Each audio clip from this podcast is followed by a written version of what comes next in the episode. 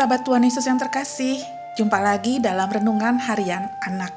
Hari ini kita akan mendengarkan tentang Pentakosta dan Alkitabnya akan kita baca dari kisah para rasul 2 ayat 1 sampai 4. Nah, adik-adik, sebelum kita memulai Eh, mendengarkan tentang Pentakosta, Tante mau ajak adik-adik dulu menutup mata dan melipat tangan. Kita mau minta Tuhan memimpin kita untuk bisa mendengarkan dengan baik.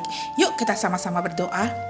Tuhan Yesus yang baik, Sebentar lagi kami mau mendengarkan bagaimana Pentakosta itu dan bagaimana Roh Kudus mau bekerja. Bantu kami Tuhan agar kami bisa mendengarkan dengan baik. Terima kasih Tuhan Yesus yang baik. Amin. Nah, sudah siap adik-adik? Kita mau mulai dengan membaca Alkitab terlebih dahulu. Kisah para Rasul 2 ayat 1 sampai 4. Ketika tiba hari Pentakosta, semua orang percaya berkumpul di suatu tempat.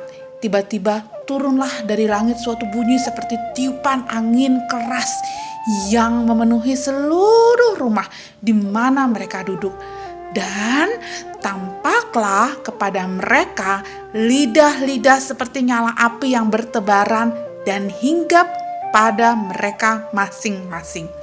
Maka penuhlah mereka dengan Roh Kudus. Lalu mereka mulai berkata-kata dalam bahasa-bahasa lain, seperti yang diberikan oleh Roh itu kepada mereka untuk mengatakannya.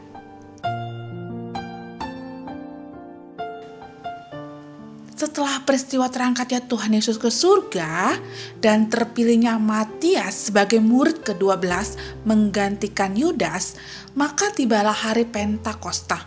Para murid dan orang percaya lainnya dari segala bangsa berkumpul di Yerusalem. Lalu terdengarlah suara tubuhnya yang keras turun dari langit.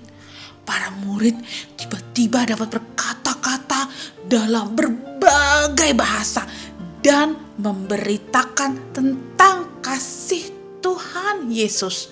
Nah, adik-adik, apakah adik-adik tahu apa tugasnya Roh Kudus? Kalau adik-adik mau tahu jawabannya, adik-adik bisa buka di Yohanes 14 ayat 15 sampai 17a. Siapakah yang menjanjikan akan memberikan Roh Kudus kepada kita? Adik-adik masih ingat minggu lalu itu loh yang kita kita kita dengarkan sama-sama Nah, kalau sekarang adik-adik sudah bisa menemukan jawabannya, adik-adik juga bisa menemukan jawaban, jawabannya dalam kotak di renungan harian anak yang eh, tante sudah bagikan. Nah, yuk sekarang untuk penutup kita akan membacakan janji sama-sama. Aku mau dipenuhi oleh Roh Kudus seperti para murid Tuhan Yesus. Sekali lagi ya, kita ucapkan bersama-sama dengan suara keras dan lantang. Aku mau dipenuhi oleh Roh Kudus seperti para murid Tuhan Yesus.